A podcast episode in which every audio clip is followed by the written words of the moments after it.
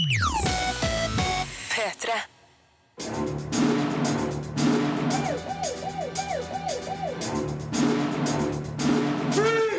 Filmpolitiet! What's your name, dude? Birger Vestmo. What kind of stupid name is that? Brick Mansions er den siste filmen Paul Walker rakk å fullføre før han døde. Dessverre er den dårlig. Mye bedre er Alexander Paynes Oscar-nominerte drama Nebraska, med en storspillende Bruce Dern i hovedrollen, mens The Other Woman med Cameron Diaz er chick flick med stor C og F, både på godt og vondt. Dette er premierefilmene som anmeldes i dagens Filmpoliti der du òg får møte den svenske regissøren Anna Odell, som er på norgesbesøk denne uka med filmen Gjenforeningen. Bruce Dern skal lovprise sin Nebraska-regissør Alexander Payne. Vi anmelder spillet Child of Light og diskuterer denne ukas annonsering av Star Wars-skuespillerne. Filmpolitiet. Filmpolitiet anmelder film.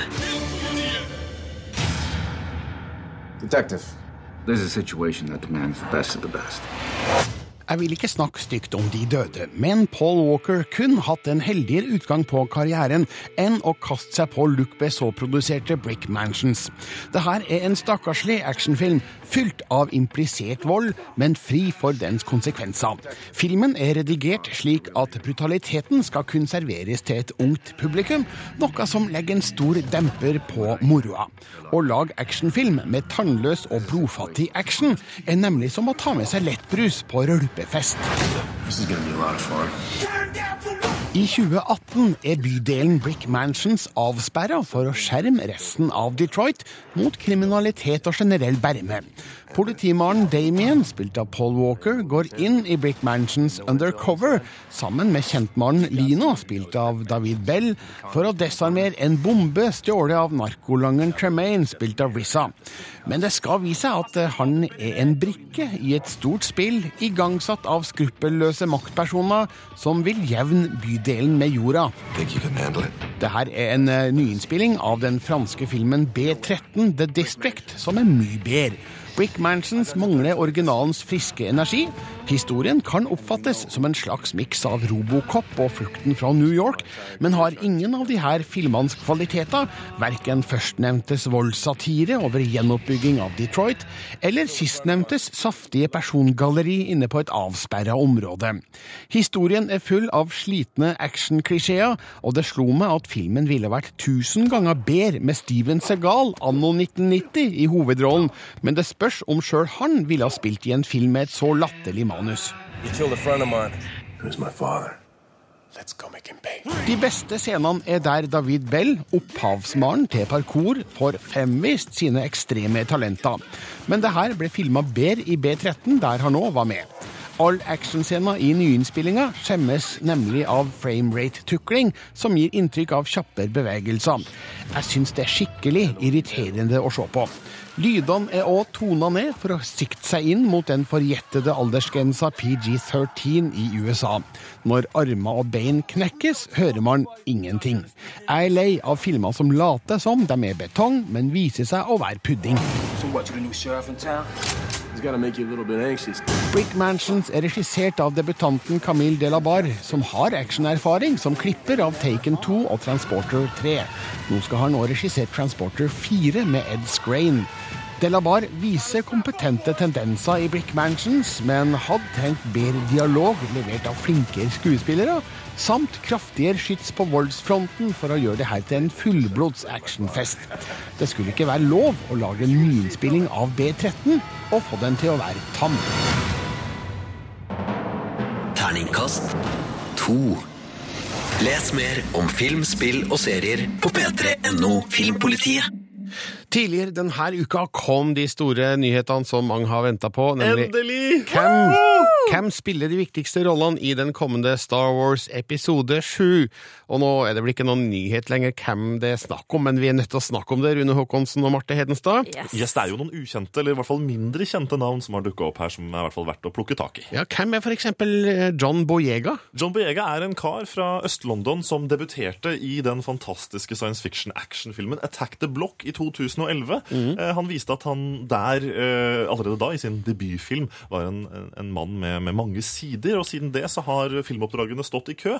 Og det at han nå da dukker opp i Star Wars episode 7, eh, er kanskje ikke så rart eh, når man ser på hans eh, ganske sånn ukjente karriere, men også hva han har gjort da på i løpet av sin korte karriere. Andy Serkis, han vet vi hvem er, Marte. Han kjenner de aller fleste til selveste Gollum fra Ringenes herre-filmene. Ja. Eh, Jeg lurer på hva han skal spille. Altså, vi vet jo ingenting om hvem som skal spille hva. Nei, med unntak av de gamle kjente, da. Så Ja. det, det, det fortoner seg for meg som eh, opplagt at eh, Andy Serkis kanskje skal ikle seg noe motion capture-kostyme på et Ja, vis. det kan nok hende. Han er jo kongen av motion capture. Blir han nå rett og slett typecasta inn i motion capture-roller etter Gollum, da? Ja, Ja, Vi vet jo ikke. Eh, Adam Driver, kjent fra Girls. Girls. Jeg har aldri sett Girls, jeg aner ikke. Altså, er en god der, eller? Ja, han er eh, en eh, flott eh, fyr i, i Girls. Eller han er ikke en flott fyr, men han spiller bra. men jeg ser for meg at han må jo bli en bad guy. Han, litt liksom, bad guy, han har de litt spesielle ansiktstrekka. Altså, Ja. Denne fyren er ikke god, enig, Rune? Ja, ja han, han har eh, no, noen ansiktstrekk som egner seg for de mer onde rollene, så vi, vi kan få spå han inn der. Han spilte jo for øvrig også i Inside Loon Davies Cohen-brødrene-filmen, hvor vi også finner da Oscar Isaac. Som også skal spille i Star Ja. Wars episode 7. Ja. Eh, et godt valg til enhver film, spør du meg. Eh, litt avhengig av hva slags rolle han skal spille, og det vet vi jo ennå ikke. Max von Sydow, den svenske superveteranen.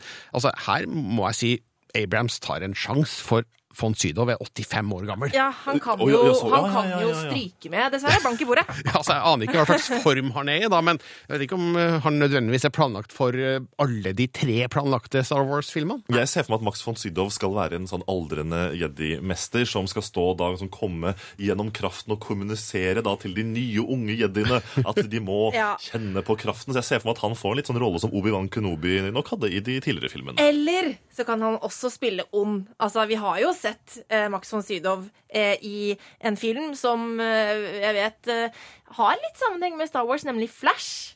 Ja! Han spilte jo selveste eh, Emperor Ming. Da er vi tilbake på 80-tallet. Ja, ja, ja, ja. Så det kan jo hende at han også er en bad guy. Det vet vi ikke. Daisy Ridley skal også spille i, i filmen. Hun, hun er kjent fra TV-serien Mr. Selfridge, som jeg ikke har kjennskap til, dessverre. Altså, et, rel- et relativt uskrevet blad sånn i, Mm. i skuespillersammenheng, men det er vel å anta at hun skal innta en av da den kvinnelige hovedrollen eller kvinnelige eh, birollen i, i fortellinga. Eh, jeg synes også interessant at Domhnall Gleeson har dukket opp på, på lista. Han Ja. er jo mest kjent som Bill Weasley i Harry Potter-filmene, da Ja. Spesielt de to siste Harry Og så spilte han jo også hovedrollen i About Time eh, fra skaperne av Love Actually. Så der er det jo en del som har sett han. Men det er jo veldig morsomt eh, for gamle Star Wars-fans å se eh, flere kjente navn fra Star Wars-historien med. Selvfølgelig da Mark Hamill, Carrie Fisher og Harrison Ford. Eh, Det har vel vært en, en, en offentlig kjent eh, hemmelighet eh, i lengre tid at de skal med. I tillegg Anthony Daniels eh, som C3PO, og, og til og med Kenny Baker, 79 år gammel, skal da i hermetegn spille R2D2. Sitte inne i den lille roboten, altså. Ja. Altså, det, det, det er jo morsomt, da. Selv Ja. om uh, hvem som helst kunne vel ha gjort det, bare man har riktig kroppsfasong.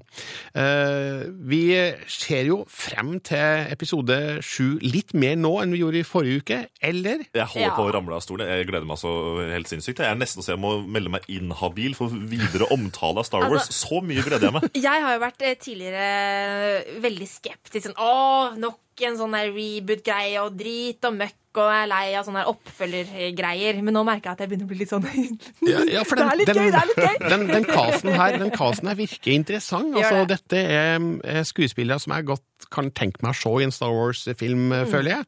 Og det er jo ennå ikke over. Eh, Det er jo signalisert eh, via The Hollywood Reporter at eh, i hvert fall én stor rolle ennå ikke er casta ferdig. Og ryktebørsen eh, i forkant har jo snakka om eh, Lupita Nyong'o i en mulig rolle, og også britiske Maisie Richardson Sellers. Så det skal nok dryppe et par nyheter til fra Star Wars-universet, tenker jeg. 18. desember 2015, det er den magiske premieredatoen. De har ikke god tid, altså. De har jo ikke det. Nei, det er mye film som skal produseres eh, i løpet av det nærmeste året. Ja, for er det ikke til sommeren eh, det skal starte produksjonen? Nei, Allerede 14. mai så 14. mai, starter ja. offisielt innspillingen, og da Oi, tenker jeg at de har et stramt skjema for de neste, neste årene for å få det her ut på kinolerretene. Men det her var siste gang vi snakka om Star Wars episode 7, før desember 2015. eh, 2015. P3. Den svenske kunstneren Anna Odell ble for alvor kjent i 2009, da hun iscenesatte en psykose under et kunstprosjekt om samfunnets syn på psykisk sykdom. Nå er hun aktuell med sin regidebut Gjenforeningen, der hun tar et oppgjør med skoleklassen som fryste hun ut og mobba hun som barn. Dette er ikke en dokumentar, men en spillefilm om hvordan i hermetegn gale Anna tar opp sin tid som mobbeoffer under skoleklassens 20-års gjenforening. Odell fikk Guldbagge, den svenske Amandaprisen, for beste film og beste manus for gjenforeningen, og denne uka har den blitt vist under Kosmorama, Trondheim internasjonale filmfestival. Reporter Marte Hedenstad møtte Anna Odell etter den første visningen av filmen. Anna, det här är en fest. Det står, det står på inbjudan, det här är en fest. Det är väl festligt? Ja, det- jag- du måste ju fan få säga... Ja, men det är ingen klassterapi där. Det här är en fest. Där, så. Anna! Ge dig. Det räcker. Kan du sluta ta i mig? Du kan inte... I filmen Gjenforeningen tar kunstneren Anna Odell et oppgjør med klassen som mobbet henne som barn. Odell har laget en todelt film der første halvdel er ren fiksjon, som viser et mulig utfall av en reunionfest der gale Anna stiller mobberne til veggs. Andre halvdel er en rekonstruksjon av hva som skjedde da Odell viste dette til sine gamle klassekamerater, etter at hun ikke ble invitert til klassens virkelige gjenforeningsfest. eftersom jeg fikk reda på at det hadde vært en återträff der alle var bjudna utom jeg, Så det gjorde var att jag försökte med den här första halvan av filmen skapa en eh, det jag trodde deras värsta tankar om vad som skulle kunna hänt Det om de de hade bjudit mig. Ja. Mm. Så att det är ju inte så att jag skulle ha agerat utan det jag tänker att de var rädda för. Mm. For du ble jo ikke invitert i den Nei. virkelige Nej, gjenforeningsfesten. nej, jag visste ju att det var, närmade sig att det var 20 år sedan. Så jag, förstod, jag visste att det förmodligen skulle vara en. Eh, men jag fick ett meddelande via Facebook från en tjej som hade gått i klassen eh, som, som skrev att eh, eh, hon tyckte det var tråkigt att jag inte kom. Så på så sätt fick jag ju reda på att de hade haft den. Tanken var ju att jag ville, eftersom jag är ju konstnär egentligen, så hade ju velat jobba med det här som ett konstprojekt. Eh, och då hade jag tänkt gå på den här återträffen, den riktiga, och hålla ett tal som liknar kanske det första talet i filmen. Där jag inte går till personangrepp utan eh, berättar om, så här upplevde jag det. För att använda det som en slags start på ett vidare arbete som jag sen skulle presentera som ett konstprojekt. Men eh, först blev jag besviken då när jag insåg att det hade varit för att jag ville göra mitt konstverk. Ända tills jag då kom på den här idén och, och då istället kände att det här var ju ännu bättre, att det var riktigt bra att jag inte blev bjuden för att annars hade jag aldrig jobbat med det här eh, för att göra en långfilm och det har ju varit ett jättespännande och häftigt arbete som jag eh, har varit glad över att få göra. Nu fortsätter festen! Anders! Anders! Jag tror att vi har lite olika minnen av vår fina gemenskap.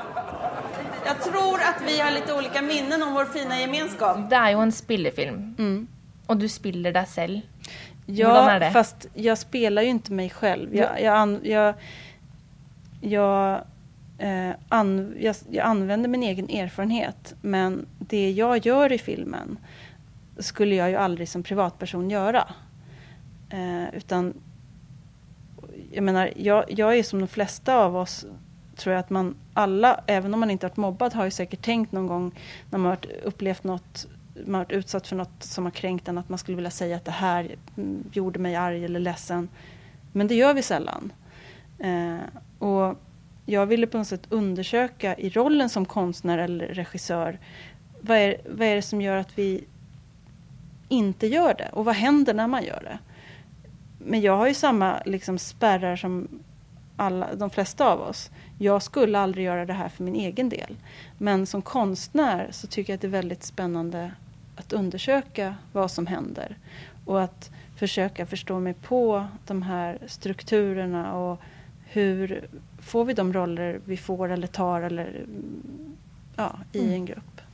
Så det her er ikke en, en fingeren til de Nej, gamle klasskamrater? nej, verkligen inte. Jag tror inte att jag hade kunnat göra den här filmen om jag fortfarande hade varit i någon slags eh, behov av bekräftelse eller någon slags, ute efter någon slags hämnd.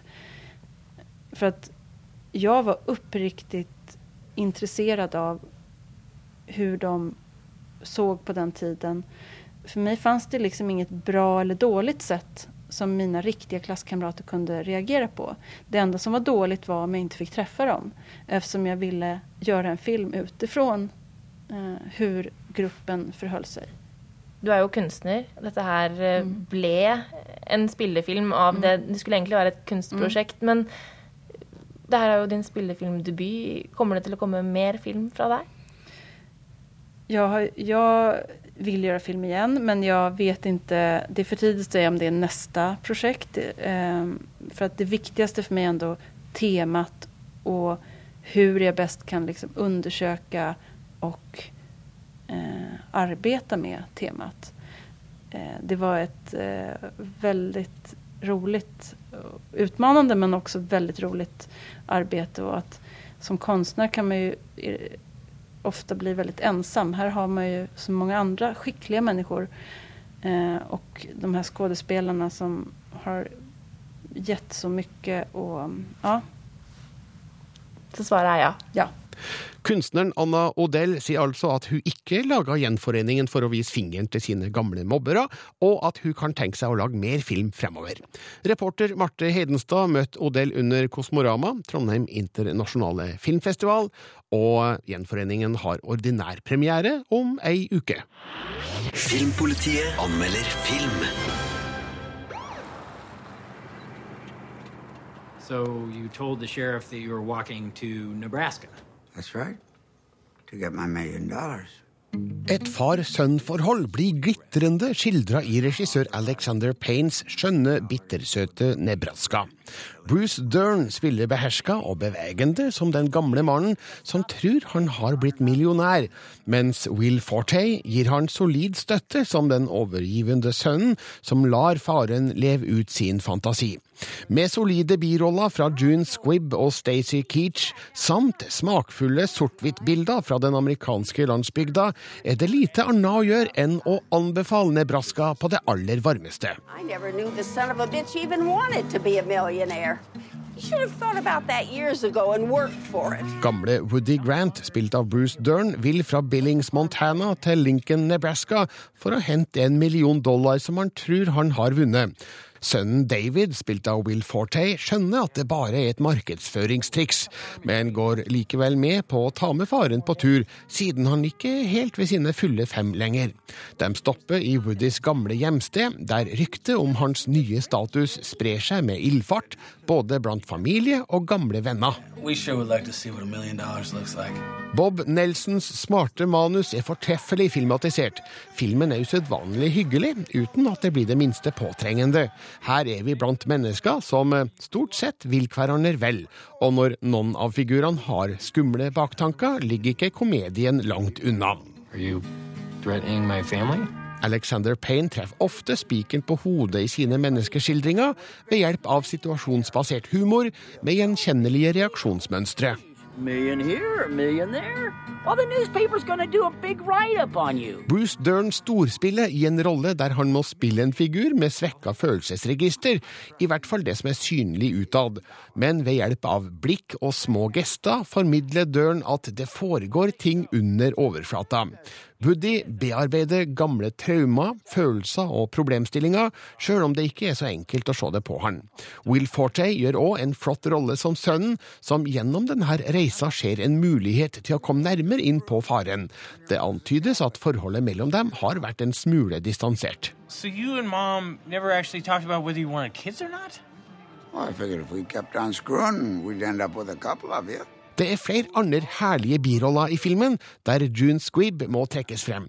Hun er et fyrverkeri av en figur, utstyrt med noen saftige replikker som får meg til å juble innvendig. She was only 19 when she was killed in a car wreck near Wassa.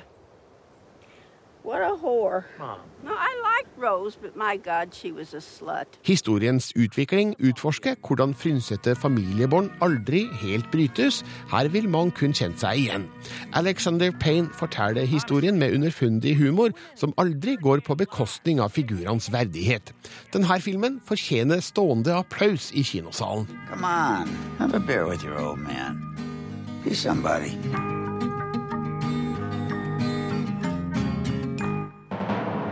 Terningkast fem.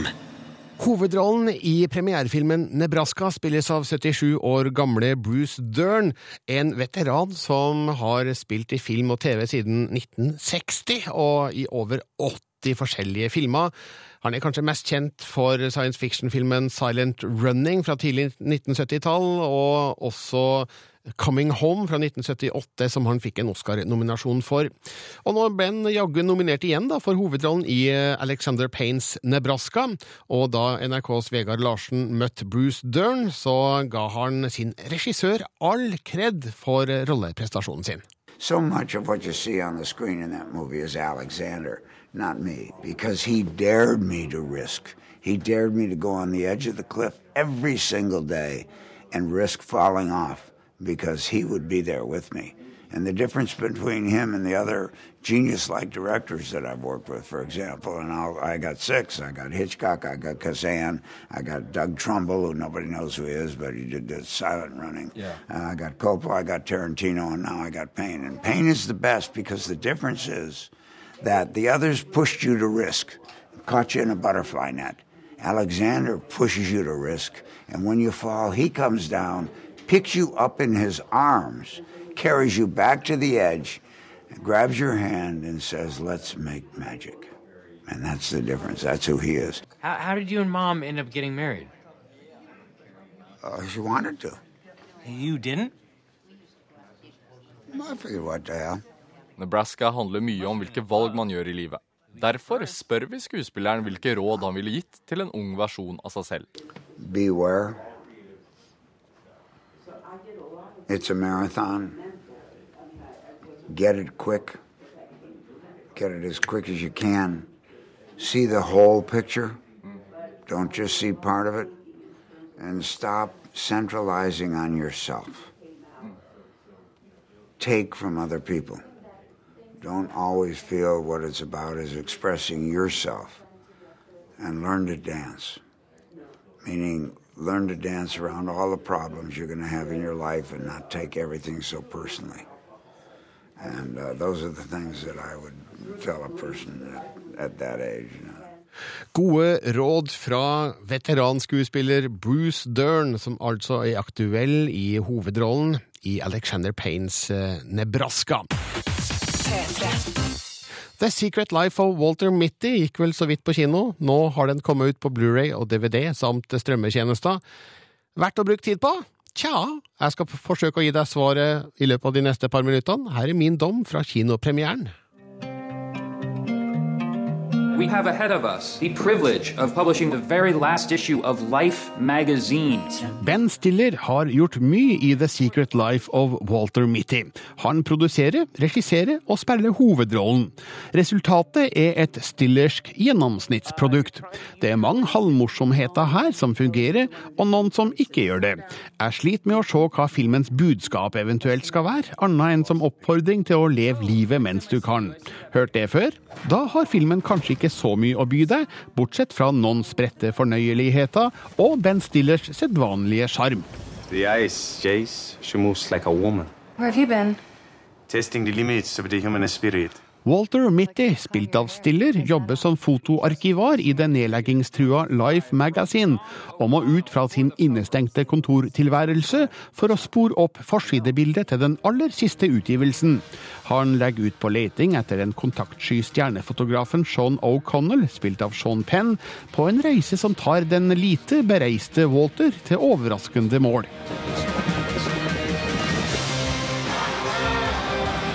Filmen er basert på James Thurbers novelle, men den er det lite igjen av.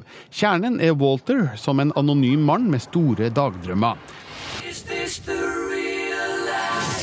De her drømmene har innledningsvis en morsom effekt på filmen, men blir gradvis mindre viktige ettersom Walters reise ekspanderer. Det er for så vidt morsomt og nesten eksotisk å følge han til Grønland og Island til Himalaya-fjellene. De fleste av oss er hverdagsmennesker som gjerne kun hatt godt av et eventyr. Sånn sett faller det meg naturlig å heie på Walter. Hey, my man, you still there? I just like zoned out for a second. Oh, okay. Do you do that a lot? Uh, Historien har òg elementer som enten er for enkle eller er malplasserte. Walters forsøk på nettdating er en corny gjenganger, med hyppig kontakt med brukerstøtten Todd, spilt av Patten Oswalt, som òg har en umotivert opptreden i egen person som ikke betyr noe som helst. Og filmens kjærlighetshistorie rundt Walters kollega Cheryl, spilt av Kristen Wiig, er for enkel. Det er en lunken kjemi mellom dem som aldri slår gnister. Hey, Hey. how was your weekend? I had an awesome weekend.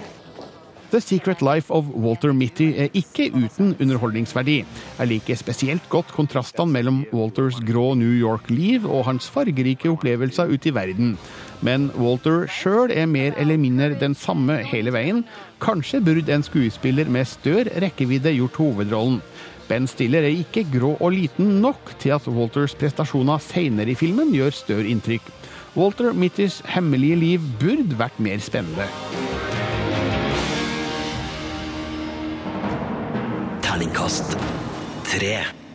The Secret Life of Walter Mitty er altså nå aktuell på Blu-ray, DVD og strømmetjenester, men det fins altså bedre filmer der ute å bruke tida si på. Filmpolitiet anmelder spill. Child, tuck yourself in bed.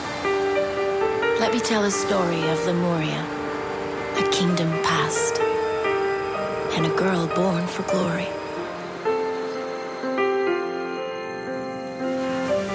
Lost from our world came she. Beware the night. Child of light. Ja, det her hørtes jo ut som et skikkelig hyggelig spill, Child of Light, som hadde release på onsdag. Rune Håkonsen, er Child of Light et hyggelig spill? Absolutt, både for store og små. Og, og som du hørte på den lille eh, lydsnutten helt i starten her, eh, det er jo et eventyr av den gode, gamle sorten, hvor ei lita jente som våkner i en fremmed verden, må ta eventyret i egne hender for å finne tilbake til der hun kom fra. Jeg spurte på den måten jeg gjorde, fordi eh, det lydklippet det, det hørtes ut som at det nå er det veldig hyggelig, og så skal det bli kjempeskummelt! Ja, men Det er litt sånn det, det handler om for denne unge jenta Aurora. Eh, egentlig en østerriksk, østerriksk prinsesse. Det er utrolig vanskelig å si akkurat eh, det, det landsnavnet der. Helt enig med deg. Eh, hun dør. Eh, og det er en litt sånn trist start på historien, men hun våkner i et fremmed land og må finne tilbake til livet og lyset. Og spillets navn, Child of Light, uh, henspiller på at hun da også må uh, igjen redde månen, solen og alle stjernene som har forsvunnet i denne fantasiverdenen Lemuria. Hva slags utfordringer kan spilleren møte her? Child of Light er tungt inspirert av japanske rollespill. Så det betyr at du da i rollen som Aurora må gjennom en, en lang rekke fiender og monstre som må overvinnes. Og alt dette presenteres i en litt sånn klassisk japansk rollespillstil, hvor du da eh, på runde får muligheten til å angripe fiendene dine. Og i akkurat dette kampsystemet så har da Ubisoft tatt en litt mer vestlig vri på den klassiske japanske tradisjonen, og, og, og lagd et kampsystem som, som byr på både dyp taktikk, men også spennende utfordringer for, for store og små. Og etter hvert som du da eh, går gjennom spillet, så låser man opp nye nivåer, nye muligheter og nye krefter for denne unge jenta Aurora. Så til slutt så får man en spillfigur som er både utfordrende, spennende, men ikke minst taktisk engasjerende å, å spille i kampene. Men det aller viktigste med Child of Light, ved siden av at det er et velfungerende kampsystem, eh, er det visuelle.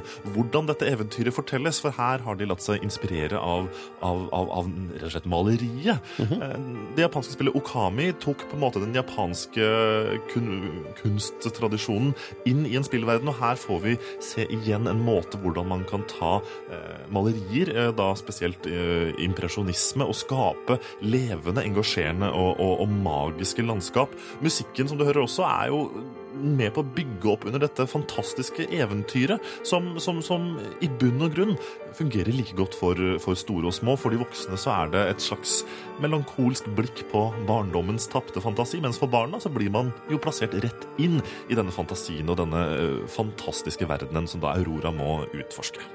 Child of Light hadde altså release i forgårs, og er utgitt på ja, alle konsoller, egentlig. Ja, alt av viktighet, egentlig. Og det viktige her også er at på f.eks. Nintendo Wii U-konsollen så har man eh, en spesielt god mulighet til å samarbeidsspille i sofaen, så her er det mulig å ta med både store og små. Det ene tingen som trekker litt ned, er at spillet er ganske teksttungt. Ikke alle dialoger har blitt stemmelagt, og det er dessverre ikke på norsk, men med en, en, en god voksen person ved sida så får de aller minste også et godt utbytte. Og hvis du er et, eh, et voksent menneske med, med, med barnet i behold på innsiden, så kan jeg bare si én ting. Child of Light er å anbefale. Terningkast fem. Filmpolitiet anmelder film. Jean-Claude Van Damme har hatt en høg stjerne hos meg helt siden jeg så han i gjennombruddsfilmen Bloodsport i 1988, selvfølgelig på VHS. I løpet av årene som fulgt gjorde han suksess med actionfilmer som Double Impact, Universal Soldier, Hard Target og Sudden Death. Men karrieren hans har dessverre ligget brakk siden ca. midten av 90-tallet. Filmene hans har vært av sterkt varierende kvalitet og har stort sett gått rett på video. I de siste åra har van Damme imidlertid opplevd en slags renessanse. Først med den overraskende gode prestasjonen i metafilmen JVCD. Deretter som skurk i The Expendables 2, og nå nylig i en morsom Volvo-reklame. Siden er Grip begjærlig etter all tegn på van Dams tilbakekomst som actionstjerne, er Enemies Closer en velkommen film. Den går nå rett på Blu-ray og DVD. Hvordan igjen? Let's go. I hate guns. Vel, den er regissert av Peter Hyams, som gjorde både Time Cop og Sudden Death med van Damme på 90-tallet. Og her får van Damme igjen hver skurk i en rolle han fyller med miljøbevisst galskap. Hvor mange andre kaldblodige drapsmenn på film oppfordrer sine skurkehjelpere til å tenke på sine karbonavtrykk? Think about our carbon footprints. Think about the children. Enemies Closer er en lavbudsjettsfilm der bulgarsk skog skal forestille grensa mellom USA og Canada. Filmen ser fin ut, er godt klippa av regissørens sønn John Hyams, som òg har regissert Van Damme i to Universal Soldier-oppfølgere. Det her er altså folk som kjenner actionsjangerens konvensjoner og følger dem til punkt og prikke, kanskje i litt for stor grad. Handlinga er rimelig enkel å forutsi, uten store overraskelser. Are you a military guy?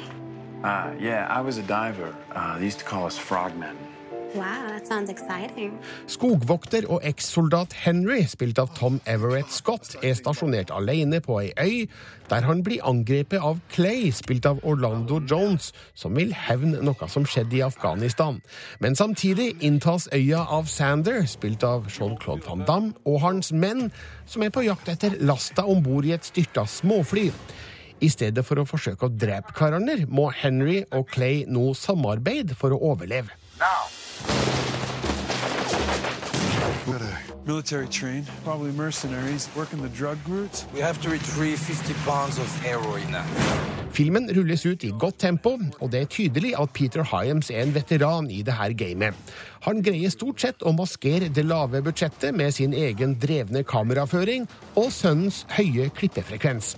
Filmens rett på videostatus avsløres først og fremst av et manus med B-kvaliteter, der flere figurers handlinger og motivasjoner er svært enkelt forklart.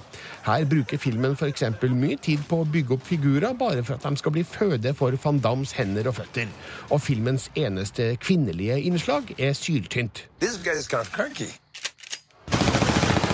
Tom Everett Scott er en sympatisk filmhelt, men det er van Damme som tar kaka med en skurkefigur som går langt over toppen, med krøllete Mozart-sveis og miljøbudskap med merkelig timing.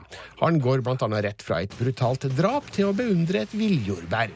Det er åpenbart at van Damme har det gøy i denne absurde rollen, som er rimelig drøy og teit, men på den morsomme måten. Enemies Closer er kanskje ikke filmen som gjenoppretter van Dams fordums storhet som muskuløs actionstjerne. Den kommer kanskje aldri tilbake. Men om man legger terskelen på rett sted, er det her en helt gjennomsnittlig sjangerfilm. Man må kanskje være van Damme-fan for å synes det her. Heldigvis for Enemies Closer så er jeg van Damme-fan. I'm getting real pissed. Terningkast tre. I'm looking for Mark. You must be his housekeeper. No, I'm his wife, Kate. Is this some kind of strippergram or something? I'm a bad. I am not ready to compete with women like you. We got played by the same guy. Tequila or do you want vodka? I'm a black sheep. Det her er lyd fra premierefilmen The Other Woman med Cameron Diaz i hovedrollen. Og jeg må innrømme, Marte Hedenstad, eh, min kjære kollega, at eh, jeg sendte deg for å se denne filmen med vilje fordi dette lukta chick flick Ja. lang vei. Ja, det gjorde nok det. Hadde jeg rett? Du hadde eh, så ekstremt rett, Birger. Ja. Det er jo noen chick flicks som man faktisk kan ta kjæresten ta typen sin med på. da, At det liksom, ja ja, på en søndagskveld så kan man liksom se en sånn type jentefilm sammen med typen. Eh, Du kan ikke det med den her. Ok, For å spørre eh, slik, da. eh, Er du glad for at du ble sendt på The Other Woman-pressevisninga? Nja, det er et lite nja der. Eh, Den filmen her det handler jo da om eh, en sånn eh, forstadskone som finner ut at mannen hennes ikke bare har én, men opptil flere elskerinner. Og Cameron Diaz spiller en av disse elskerinnene, og hun tror jo at den mannen hun er sammen med, er drømmemannen, helt til hun finner ut at han har en kone. Eh, og så er det sånn da at eh, Kate King, eh, som, spiller, som er spilt av Leslie Mann, er denne kona. Og Cameron Diaz og Leslie Mann møtes og finner ut at de skal faktisk bli bestevenninner. Mens de da tar ned mannen i det skjulte. Dette høres så chick flick ut at Det eh, er veldig, veldig chick flick. jeg tror jeg bruker store bokstaver når jeg sier chick flick. Ja, eh, og eh, altså, det er jo selveste Nicolai Coster-Waldau, eller hvordan man uttaler navnet hans igjen, han kjekkasen fra Game of Thrones, som spiller Jamie Lannister. Mm. Jeg syns han er ganske heit, så han spiller jo da den superheite mannen som driver, og, driver med disse damene på si. Um, og konseptet på filmen er jo ganske merkelig. Hvem er det som egentlig eh, vil bli bestevenninne med elskerinna til eh, mannen? Ja, ikke sant? Eh, men det er faktisk starten er faktisk ikke så verst, skjønner du, Birger. Mm, mhm. Fordi jeg tror merkelig nok på dette forholdet mellom Cameron Diaz og Leslie Mann. Fordi Leslie Mann spiller denne sånn veldig sånn frustrerte kona som trenger hjelp. Og, og Cameron Diaz er en skikkelig sånn sterk advokatkvinne som nå skal vi ta denne mannen og, og sånn. Eh, Så det er ganske sånn morsom Den første halvtimen av filmen er ganske morsom på hvordan disse to da bonder eh, og har litt sånn her jentetid sammen. Men så etter hvert så kommer den tredje eh, damen inn i bildet. Eh, den andre elskerinnen, eh, som spilles av eh, Kate Upton. Og hun er jo da en eh, ung, formfager eh, klisjé. Okay. Rett og slett. eh, Ja. Som er litt dum, da, ikke sant. Um, men, og det er her det begynner å gå nedover. For disse tre da samarbeider om å knerte, ikke, ikke drepe sammen, og liksom ta knekken på, um, på da Mark King, som er mannen. eh, og det er nå filmen eh, bare går nedover. Fordi det her er det bare plump humor, Birger. Det er, det er, det er liksom det er avføringsmiddel, kjempemorsomt. Hey. Det er østrogenpiller i maten, sånn at han får pupper. Kjempemorsomt. Det er eh, hårfjerningsmiddel i sjampoen. Altså, vi har sett alt sammen før, da. Eh, Og fra å handle om eh, litt sånn, sånn girl power-aktig opplegg, så blir det rett og slett en sånn flåsete plump humor på slutten der som eh, gjør at filmen faller helt fra hverandre, rett og slett. Ja, jeg tror ikke jeg har sett eh, østrogenpiller i mat før, men jeg tror det er på alt annet. Jeg har faktisk sett det. Jeg har du har det. det. Ja. Du har det. Ja, Jeg husker ikke hvilken film, men det var en, film, en fyr som begynte å få melk og greier. Det var, ja. Ja, ok. Eh, Så, men eh, det, er, det begynner fint. Det er, det er en, jeg lo og koste meg litt i starten, men tenkte at ja, dette er en litt sånn der, helt OK, trivelig chick flick på en søndags ettermiddag. Men så ble det rett og slett for dårlig. Og synd å si det, men Nicolai Coste-Waldo han spiller ikke spesielt godt uh, når det begynner å rakne for uh, Mark King. Da rakner det også litt for han, så det er synd. Kanskje han visste hvilken film han var med i? Kanskje han uh, innså at dette her ikke var all that. Men det, det er ikke fullstendig slakt likevel fra meg, Birger. Det er ikke fullstendig slakt. Det, det er Jeg liker å kalle den middelmådig. Terningkast tre. Det går mot slutten for denne utgaven av Filmpolitiet, men husk du kan lese all film, spill og serieanmeldelser på p3.no slash filmpolitiet. Der finner du òg den nye podkasten. Jeg heter Birger Vestmo, ønsker deg en herlig fredag og en god helg. Hør flere podkaster på nrk.no podkast. P3.